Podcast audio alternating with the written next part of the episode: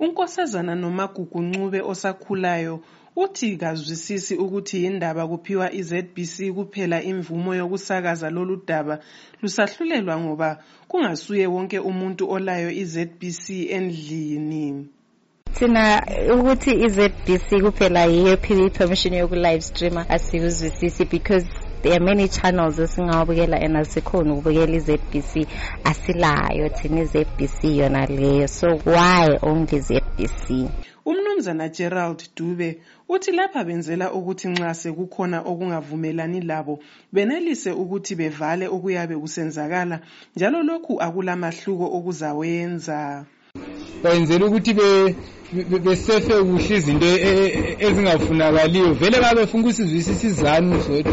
Nxa mdc sikhuluma izinto zabe eziqakathekileyo esitshaye ngehonto yeminda advert. Zabona sokugida amankazana enethwani ku-tv wona usumelele ukuzwa into eziqakathekileyo. Akutshintshi lutho njengoba vele ngike ngabona enye ikhomenti ka-ed leyana engani iloku yi-threatening tone so aso vele akula nto ephumayo la. Labo ngendlela i-confidence abalayo khanya ngani ha lamajaji asezikhwameni zabo. So ngaze kube live ngaze kungabi live kusalayo ultimately vele i-decision isebantwini abangu-nine. Unkosikazi novuyo moyo uthi yena akulanto ezaguqulwa yi-concord kodwa izenza izinto zome ngamandla ngoba kuningi okukhona.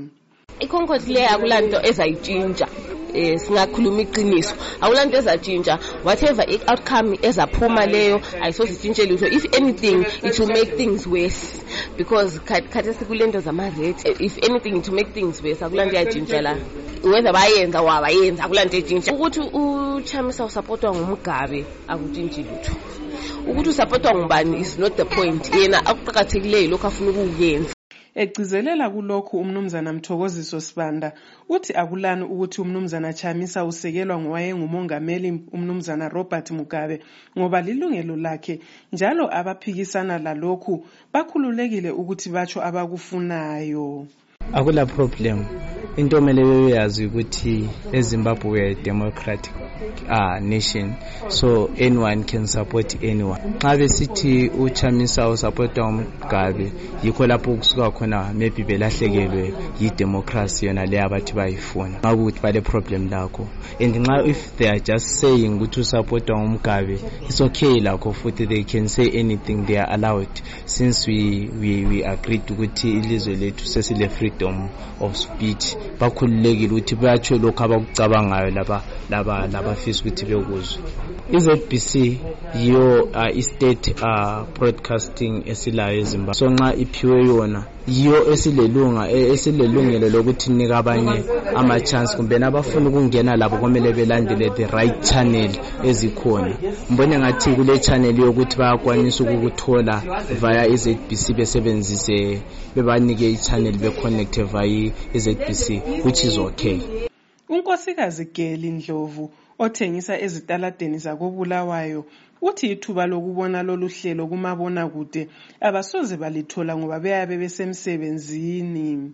Thina sisebenza nje ukuzithengisela siyazisebenza. So isikhathi sokuthi singasukuma sebukela ama-tv ambona ukuthi sisasithola ngaphandle kwamarediyo hayiwe singakhona ukuthi siwalalele. Sisendaweni zethu zokusebenzela ezokuzithengisela. So hhayi kutsho ukuthi impumela eziphumayo sazibona-ke ngemva kwakhona kuma-tv hhayi sezwa ngakho ukuthi kuphume sokusithi abaningi bathi lokhu okwenziwe lidale eliphezulu ukunikeza i-ZBC ithuba lokusitha lezi zehlakalo zalomthethwandaba bekumele kuphiwe abanye ithuba.